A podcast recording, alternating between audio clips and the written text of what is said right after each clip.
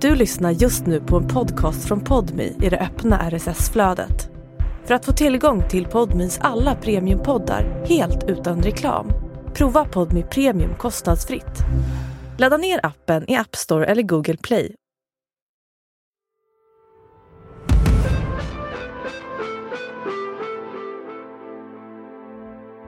Då sa jag så här, men jag har ett ännu bättre. Om ni lagar min mobiltelefon, sa jag, så har jag alla inspelningar på band i telefonen. Ja, vad fan ska man tro? Jag är inte världens bästa människa själv.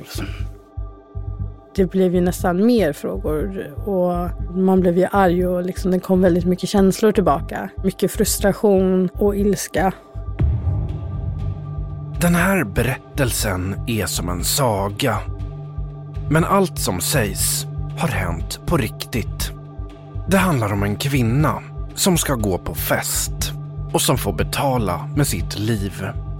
Det handlar om en narkotikabrottsling och en polisstation i Stockholms södra förorter.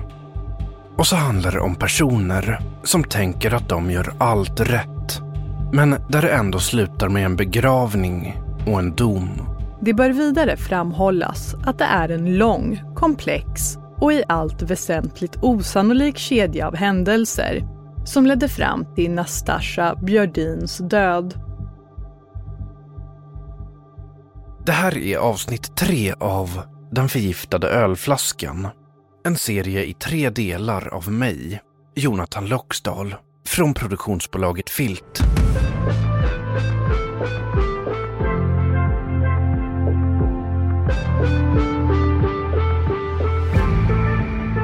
Hon låg här på golvet, eh, liksom precis bredvid duschen. Och ja. Brandbergen. Lägenheten där festen var. Hon som vi kallar för Sally, som bor här och var med när det hände, visar upp badrummet där Nastasja föll ihop. Det dröjde lång tid efter händelsen innan det kändes helt bekvämt att vara här. Nästan ett år, om inte mer. Eh, den har liksom den känslan, speciellt varje gång man gick in i badrummet så fick man liksom flashbacks och mindes liksom den här händelsen. Så att det tog ett bra tag innan det kändes bra att liksom vistas här hemma igen. Sally kände inte Nastasja. Hon var bara en person som råkade vara i hennes liv i några timmar. Men som ändå hann göra intryck. Hon var världens trevligaste och hjälpsamma. Hon hjälpte mig att få ut folk från festen och hon var jättetrevlig och sådär. Så att det kändes ju nästan som att man kände henne efter den kvällen. Och så minns Sally vad som hände. Precis innan Nastasja tog en klunk ur flaskan. Min syster höll på att dricka av samma öl som Nastasja gjorde. För att min syster och hon skulle nämligen dela på den. Eh, men eftersom att Nastasja drack av den först och sen sa att någon hade lagt någonting i den så ville ju min syster inte dricka av den. Eh, vilket var väldigt tur för att annars hade vi ju haft två stycken eh, som det hade hänt med den kvällen. Sally befinner sig ständigt på platsen där allt hände. Och det är tydligt att hon, som så många andra, är hemsökt av den förgiftade ölflaskan. Det är ju någonting som man blir påmind av lite då och då, och speciellt eftersom att efter händelsen har man blivit väldigt försiktig. Jag litar inte riktigt på folk längre. Jag går inte på evenemang eller fester och så på grund av det här. Um, så att det är ju någonting som man tänker på ibland. Och Sally och hennes sambo är fortfarande inte riktigt säkra på vad de ska tro. Så även upp kontakten med många av våra vänner efteråt för att vi känner att vi litar inte på folk längre. Eh, eftersom att många av de som kom var ju liksom nära vänner och vi vet ju inte vad som hände heller, om det var någon som gjorde det här med flit eller om det var en olyckshändelse. Så att vi kände att vi kan inte lita riktigt på folk längre.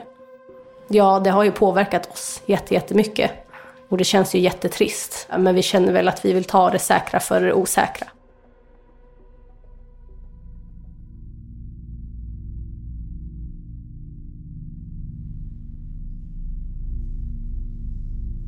Jag tror faktiskt hennes dotter sjöng just den där Shine bright like a diamond um, för allihopa på begravningen. Hösten 2020. Det är begravning och Nastashas dotter sjunger. Det är samma sång som familjen spelade upp i sjukhusrummet när Nastashas maskiner stängdes av. Det fick bli en fin stund i allt det här kaoset. Det blev en paus nästan i allting och att man kunde nästan få fokusera igen på henne. Nicke har sett sin syster ta sina sista andetag. Men det här ska bli ett farväl på riktigt. Att sitta och välja liksom mat och kista och vad hon ska ha på sig och allting sånt där. Hela det kändes overkligt. Så själva begravningen var skön att man kunde bara vara där och bara få liksom tänka på henne. Um, och släppa allting annat just den dagen. Så det blev nog ändå som ett hejdå, tror jag. Mer där än när man stängde av henne. Nicky har förlorat sin stora syster. Fast mest tänker hon på två döttrar, sju och nio år gamla, som förlorat sin mamma. För att eh, förlora en syster är ju det svåraste som jag gått igenom. Men jag kan inte ens liksom sätta mig in i att förlora min mamma. Um, inte för att jag kunde sätta mig i att förlora min syster heller. Men de är så unga. Och, och ja, hon älskade ju dem så himla mycket och de älskade henne så himla mycket. Um, det känns fel. Det känns så himla fel. Där tror jag att jag var mest arg och ledsen över någonting. Liksom för deras skull. För att de är så små. De kunde liksom inte förstå. Jag tror det tog dem liksom jättelång tid. Um, även nu liksom att förstå. Så ja, det, det är jobbigt. Otroligt jobbigt. Den särskilda utredningen om ölflaskorna har pågått länge. Men Nicky och de andra sörjande i familjen har inte fått veta vart den leder, annat än genom nyheterna. Vi ville vara med och vi ville få information, men det gick jättedåligt. Eh, vi fick liksom inte information riktigt och ibland kunde vi, vi bli uppringda av någon reporter som frågade oss någonting, information som de hade som inte vi hade fått. Så det kändes väldigt så här, avstängt. Fast en sak vet de. De vet varifrån flaskorna kommer. Från polisen. Sen eh, var det fortfarande oklart hur. Men det kändes ju bara alltså, galet att något sånt kan komma ut och vi tänkte, finns det mer? Inne i centrala Stockholm, från ett kontor på Norra Bantorget, tuggar rättsväsendets maskineri. Henrik Rasmusson är åklagare på särskilda åklagarkammaren och jobbar med att åtala poliser. För att, kunna, för att kunna gå till domstol och kunna väcka åtal så måste jag kartlägga hela förloppet med de här flaskorna med stor säkerhet. Det får inte finnas några luckor som är ologiska eller inte går att förklara. Det har blivit dags för honom att knyta ihop trådarna. Utredarna har förhört Odd, som också kallas för tipsaren. De vet att det var han som tog de två ölflaskorna, varav en innehöll amfetaminolja, till Handens polisstation i tron att polisen där skulle undersöka dem. De vet också att en receptionist Ryan Reynolds här från Mint Mobile. Med the price of just about everything going up during inflation, we thought we'd bring our prices down. So to help us, we brought in a reverse auctioneer, which is apparently a thing. Mint Mobile unlimited premium wireless. Ready to get 30, 30, bit to get 30, bit to get 20, 20, 20, bit to get 20, 20, bit to get 15, 15, 15, 15 just 15 bucks a month. So, Give it a try at mintmobile.com/switch. slash $45 up front for 3 months plus taxes and fees. Promo rate for new customers for limited time. Unlimited more than 40 gigabytes per month slows. Full terms at mintmobile.com. På stationen slängde flaskorna i en papperskorg och så vet de att de efter det hamnade hos en städare innan de nådde Nastasja på hemmafesten i Brandbergen. Och en sak till vet Henrik Rasmusson. Han kommer inte åtala någon för att ha orsakat Nastasjas död. Ingen kan ansvara för vägarna som flaskan har tagit utanför polishuset, resonerar han. Men det borde ändå finnas folk hos polisen som har begått brott. Och ska man kunna bevisa det krävs det att utredningen jobbar hårt. Jag känner både för utredningens trovärdighet men också för eh, personer runt omkring anhöriga. Det är en viktig princip för Henrik Rasmusson att poliser som har gjort något fel döms. Det, det ställer väldigt höga krav på, på en korrekt hantering och jag var väldigt mån om att kartlägga hur den här hanteringen hade gått till, varför den hade gått till på det här sättet och om det fanns några felaktigheter i hanteringen som kunde vara straffbara. Och det handlar ju om trovärdigheten gentemot polisen, att, att mm, man måste kunna lita på att polisen utför sina uppgifter på ett bra och rätt sätt. Varje år anmäls tusentals polisanställda för brott där fängelse ingår i straffskalan. Men de allra flesta anmälningarna leder inte till åtal. Bara några procent av dem slutar med att polisanställda lagförs. Åklagare Henrik Rasmusson väljer att rikta en strålkastare mot receptionisten. Han förhörs som misstänkt och nekar till brott. Han säger att han hade all anledning att tro att ölflaskorna bara var skräp. Receptionistens kollegor förhörs också om flaskorna och om hur saker brukar funka på deras polisstation. En anställd på stationen beskriver receptionisten som väldigt noggrann och ansvarsfull. En annan minns flaskorna. Hon säger att hon och receptionisten skojat om dem. De ska ha sagt till varandra Ska du inte ta med dig någon flaska hem? Det är ju ändå fredag. Men bland kollegorna råder det delade meningar om en sak. Vad ska man göra med någonting som man uppfattar bara är skräp och som någon bara lämnar på polisstationen? En stor del av min utredning gick ut på att, att försöka fastställa rent formellt, vad ska polisen göra när det här uppstår? Vad är man skyldig att göra? Och är det fel att göra på något annat sätt? När åklagare Henrik Rasmusson fått klart hela bilden för sig anser han att det var fel av receptionisten att bara slänga flaskorna i en papperskorg.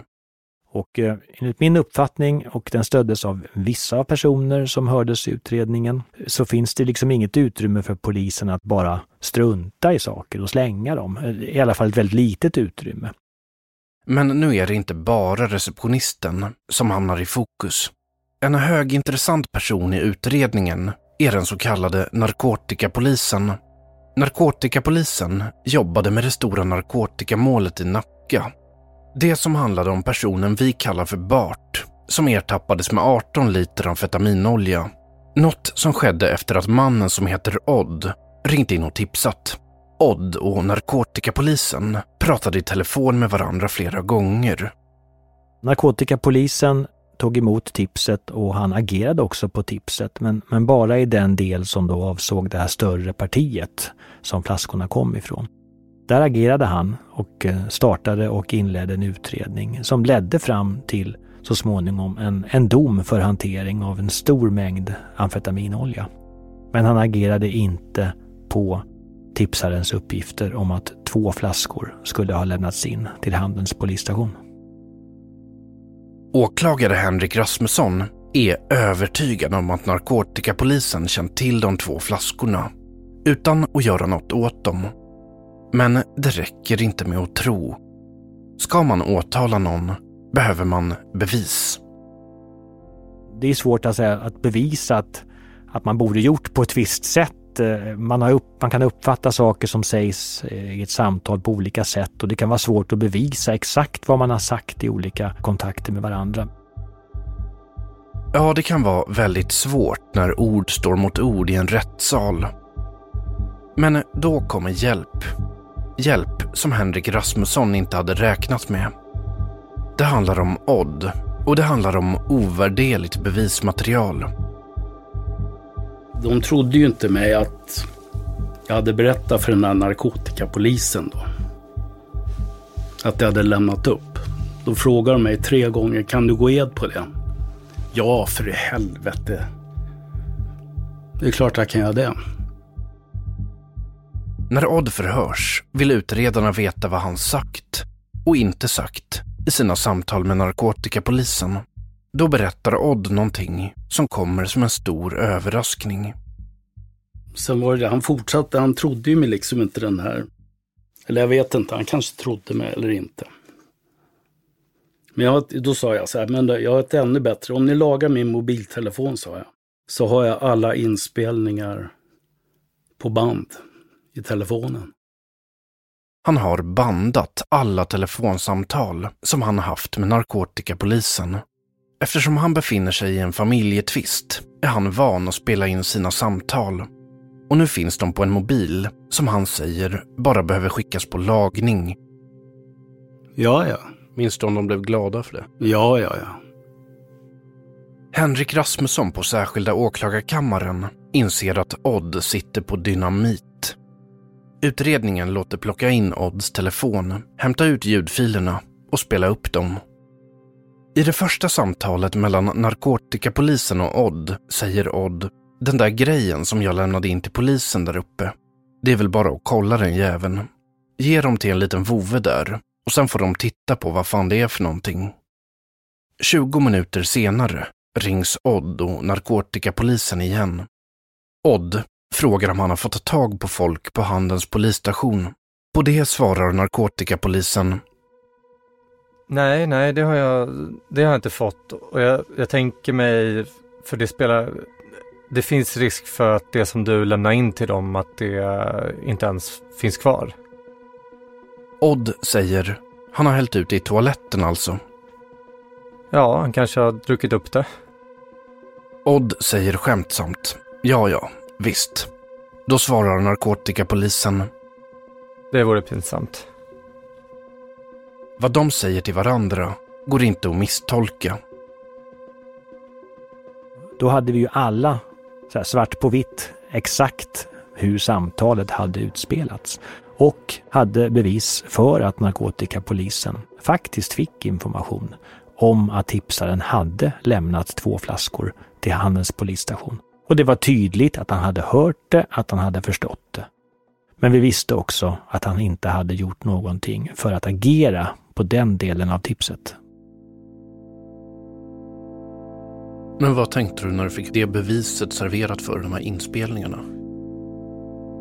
Ja, det var, det var ganska otroligt faktiskt. Eh, det förekommer ju förstås i brottsutredningar generellt att man kan ha telefonavlyssning och liknande. Och, och har man tur i en telefonavlyssning så får man viktig information, men väldigt ofta så ger det ingenting. Här fanns det ju, det var ju en ren, en ren sinkadus att den här tipsaren var en sån person som spelade in en del telefonsamtal och behöll dem dessutom. Och också faktiskt gick med på att de lämnades till polisen i vår utredning. Narkotikapolisen förhörs. Han säger att det är först nu, under förhöret, som han förstår att det finns en koppling mellan beslaget som han gjorde och att en kvinna har dött. Angående telefonsamtalen med Odd säger han. Om Odd hade sagt till mig att de tog emot flaskorna på polisstation, då, då hade det varit en självklarhet för mig att spinna på det i förundersökningen. Det är ju världens enklaste jobb. Vidare förklarar han. Odd har inte sagt till mig att han lämnat något till mig på polisstationen. Jag har inte tagit till mig någon sån information i vart fall. Men nu kan förhörsledaren spela upp de bandade samtalen. Och narkotikapolisen har svårt att neka till vad som sägs där. Dessutom kan de visa upp ett underrättelseuppslag som mejlats till narkotikapolisen. Som också tydligt nämner ölflaskorna på Handens polisstation. Då var hans uppfattning att han, han mindes helt enkelt inte och han, han måste ha glömt bort den delen av tipset eh, när han så här, drog igång utredningen och vidtog de andra åtgärderna med husrannsakan och beslag i narkotikautredningen. Då föll helt enkelt uppgiften om flaskorna i handen i glömska. Det här blir det stora genombrottet och det har blivit dags för åklagare Henrik Rasmusson att göra slag i saken. Han lägger fram ett åtal. Ja, när jag kände att, att eh, utredningen hade kommit till en sån, eh, ett sånt läge att jag med stor säkerhet kunde beskriva förloppet och bevisa det förloppet som, som slutligen blev grunden för åtalet. Då, då väckte jag åtal mot de två personer som jag menade hade begått felaktigheter i sin tjänsteutövning. Receptionisten och narkotikapolisen. Receptionisten åtalas för tjänstefel och narkotikapolisen för grovt tjänstefel. Och det sätts ett datum för rättegång. Nu får Nastashas syster Nicky veta vilka de åtalade är. Det var ganska nära in på rättegången. Det hade gått eh, ändå ett litet tag. Där det kändes som att nu vi visste inte, liksom, är det här någonting de kommer ta tag i på en gång eller är det här att man får vänta ett år innan det blir någonting? Och sen var det helt plötsligt att de, de hörde av sig till min pappa. Och då när vi fick namnen då på, på de här personerna. Vi hade ju aldrig hört namnen innan på vilka det var som var med i det här. Då blev det att vi började liksom söka information om dem och liksom vi hade fortfarande ingen aning. Vi visste att det var poliser, men vi visste inget mer. Och vi visste fortfarande inte riktigt vad, varför just dem. Jag tror vi fick lite hopp att nu blir det liksom, nu får någon ändå liksom stå till svars för det är ändå ett liv som har gått bort. Det är inte bara en liten liksom olycka eller att man har glömt något. Och berättelsen som framträder i de rättsliga dokumenten ger Nicky och hennes familj en helhetsbild av vad som har hänt hennes syster. Allt från liksom ambulansens eh, vy på det hela, hur de berättade hur det hade hänt, eh, det som läkarna förklarade, liksom alltihopa fick man äntligen se så framför sig. Innan har det ju varit så småbitar här och där hela tiden.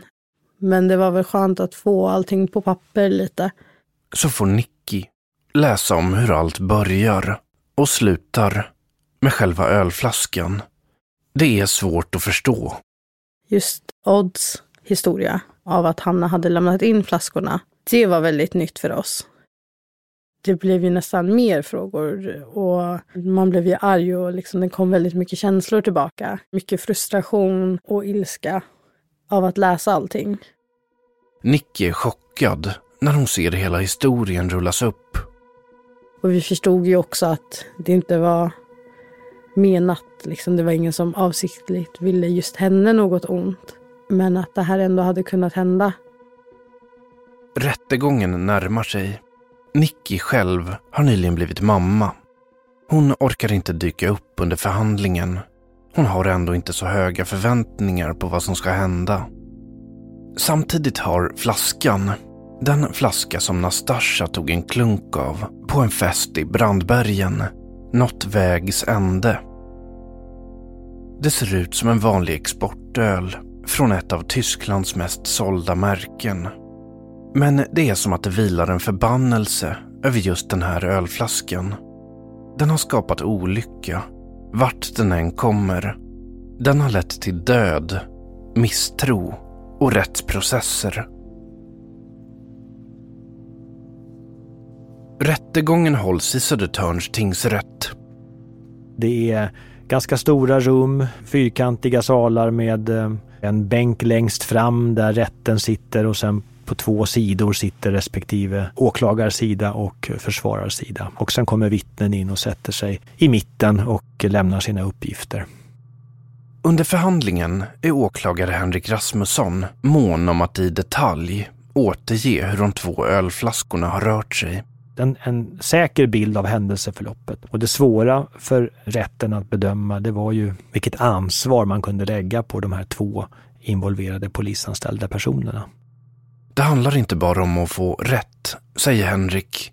Han slås av att sanningen om flaskorna måste redovisas för allmänheten inte för min egen skull eller för att, för att jag ville vinna målet eller någonting sånt, utan framförallt för att jag kände att det var viktigt för alla som berördes av det här händelseförloppet att man fick ett svar på vad som hade hänt och att det svaret var så trovärdigt och begripligt. Och jag uppfattade i, i media bland annat att det, att det förekom en del rykten om att det skulle gå till på något annat sätt. Att det var svårt att, att släppa det här att någon på festen ändå skulle ha gjort det här med flit på något sätt. Domen den meddelas den 15 juni år 2021 och den ska bjuda på ett friande och ett fällande. Först resonerar tingsrätten om hur receptionisten hanterat flaskorna och de kommer fram till att han ska frias. Det var inte självklart att han skulle förstå vad flaskorna innehöll. Och dessutom var det ju inga av hans kollegor som reagerade. I domen står det Det förekommer att en rad olika slags föremål lämnas in på polisstationer och att det i samband med detta ibland förekommer märkliga berättelser om föremålens ursprung. Vidare står det i domen. Vid denna tidpunkt var det mycket, för att inte säga synnerligen, ovanligt att narkotika hanterades i flytande form i Sverige. Mot denna bakgrund hade en civilanställd vid en polisstation typiskt sett inte att räkna med att förslutna ölflaskor i själva verket skulle innehålla narkotika. Men narkotikapolisen kommer möta ett annat öde. Han, som suttit inne på betydligt mycket mer information än receptionisten, har gjort sig skyldig till tjänstefel. Tingsrätten skriver att han borde ha fångat upp flaskorna i receptionen när han fick höra om dem. Eller åtminstone någon gång under veckorna som följde. Om inte annat kunde flaskorna vara viktiga i hans utredning. Enligt tingsrättens mening är det ett självklart handlingsmönster inom ramen för en förundersökning när det med en hög grad av sannolikhet finns narkotika som eventuellt kan knytas till en utpekad gärningsman. Att åtminstone försöka lokalisera, omhänderta och analysera den misstänkta narkotikan. Det gäller särskilt om narkotikan redan finns lättillgänglig i polisens förvar. Att narkotikapolisen inte gjorde något åt flaskorna handlar om ren oaktsamhet enligt rätten. De dömer honom därför bara för tjänstefel och inte grovt tjänstefel. De är också noga med att narkotikapolisen inte bär något ansvar för Nastashas död, vilket han inte heller är åtalad för. De skriver i domen. Det bör vidare framhållas att det är en lång, komplex och i allt väsentligt osannolik kedja av händelser som ledde fram till Nastasja Björdins död. Det allra sista ledet, hur flaskorna kom till städaren, blir aldrig riktigt klarlagt. Städaren själv säger sig alltså ha fått dem på ett bord med en rad andra presenter. Ingen säger sig ha ställt dem där. Men det där är inte heller det viktigaste.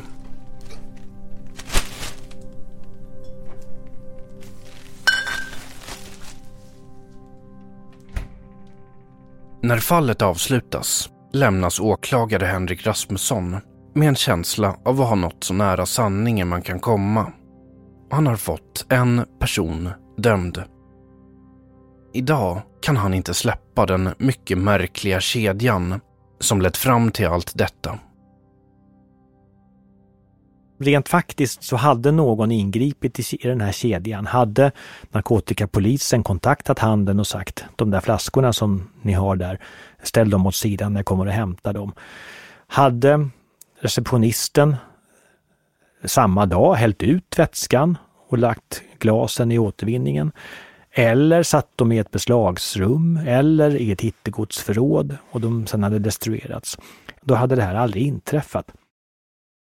Det som, det som jag framförallt har reflekterat över, eh, un, både under och efter utredningen om det här förloppet, det är hur, hur små detaljer kan få eh, katastrofala följder och hur, hur slumpen spelar in när det gäller hur och, och när den här flaskan slutligt skulle, skulle hamna i Natashas händer. Hur många personer som på vägen hade kunnat drabbas av det som Natasha drabbades av. Och hur flera olika oberoende händelser ledde fram till just denna effekt. Hur slumpen inverkar på människoliv. hur, hur någon drabbas och andra inte drabbas av ett sånt här förlopp. Och så tänker han på Odd, som på sätt och vis också har drabbats av hela händelsen. Han har varit väldigt på, pådrivande för att polisen skulle agera och han har ju haft väldigt alltså, väsentliga uppgifter och viktiga uppgifter och korrekta uppgifter eh, som han har kunnat lämna till polisen om förekomsten av det här stora narkotikapartiet. Och eh, har gjort en viktig insats för att få bort den här narkotikan från gatan. Samtidigt då så har han då helt oförskyllt drabbats, menar jag, drabbats av att, att flaskorna som han lämnar till polisstationen faktiskt kommer ut och hanteras på en privat fest. Någonting som han naturligtvis inte på något sätt kan lastas för. Ja, det är otroligt. Odd, han ville veta vad som fanns i de ölbackar som en anhörigs bekant hade lämnat i hans garage. Idag vet han inte vad han ska tro om hur allt blev. Kan man väl lugnt säga. Det du gjorde, det du gjorde ledde ju ändå till att en person kunde dömas till flera års fängelse för narkotikabrott. Vad tänker du om det? Ja... Jag vet inte. Men vad tänker du om att du lämnar in en flaska som du tror innehåller något giftigt och den står bara i en reception i ett par veckor? Ja, det är... Ja, vad fan ska man tro? Odd tycker inte att de 40 dagsböterna som narkotikapolisen fick var särskilt mycket att komma med. Han tänker på hur regler för arbetsmiljö ser ut. Om jag hade gått upp på tak utan livlina kunde jag fått 44 000 i böter. Utav miljödomstolen och skit. Så det är väl lite oproportionerligt allting. Och även om jag inte hade ramlat ner och slagit ihjäl mig så hade jag kunnat fått massa böter. Och den här utredningen som har varit, den har väl gått på ett par miljoner misstänker jag. Hur har det påverkat din syn på polisen? jag är inte världens bästa människa själv. Jag ska väl inte kasta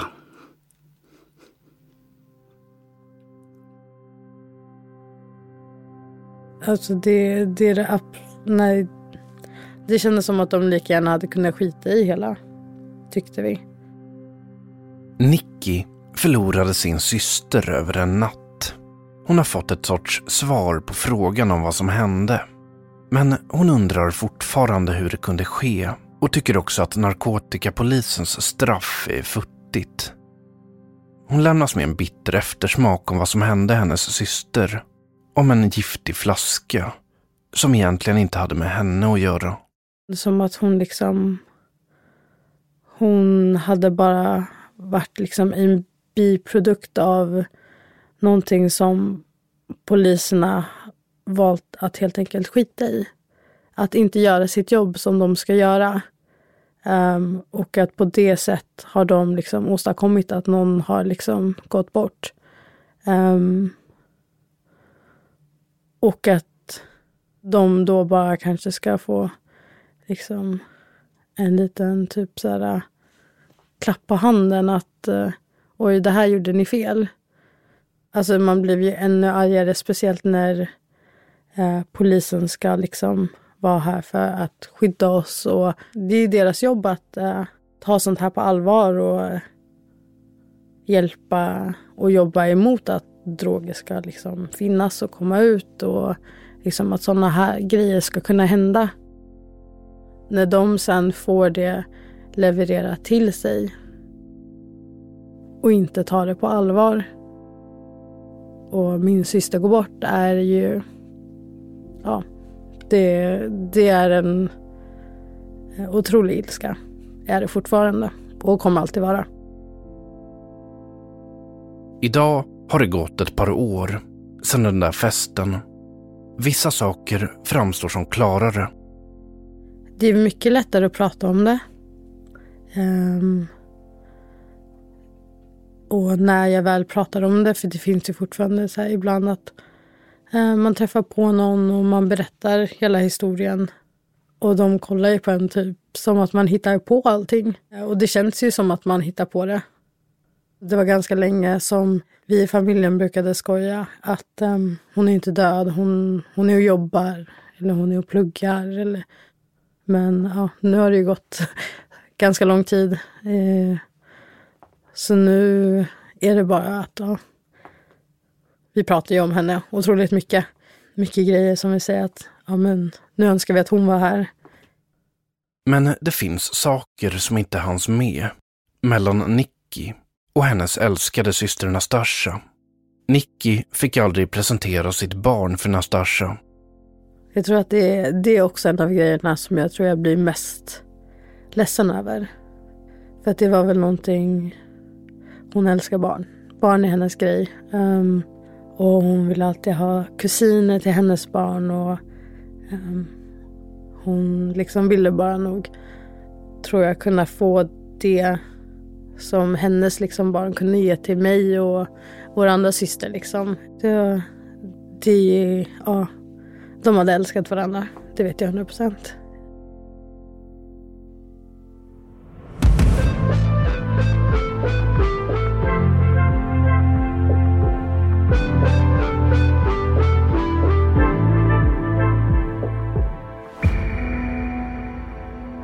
Du har lyssnat på tredje och sista delen av den förgiftade ölflaskan. En podmi dokumentär i tre delar av mig, Jonathan Loxdal, från produktionsbolaget Filt. Vissa personer har blivit tillfrågade om att medverka i dokumentären men tackat nej. Citaten från dem är hämtade från förhör och deras röster är utbytta. Producent var Chang Imam. Exekutiv producent hos Podmi Emilia Melgar Arnheim. Tekniker Astrid Anka-Krona.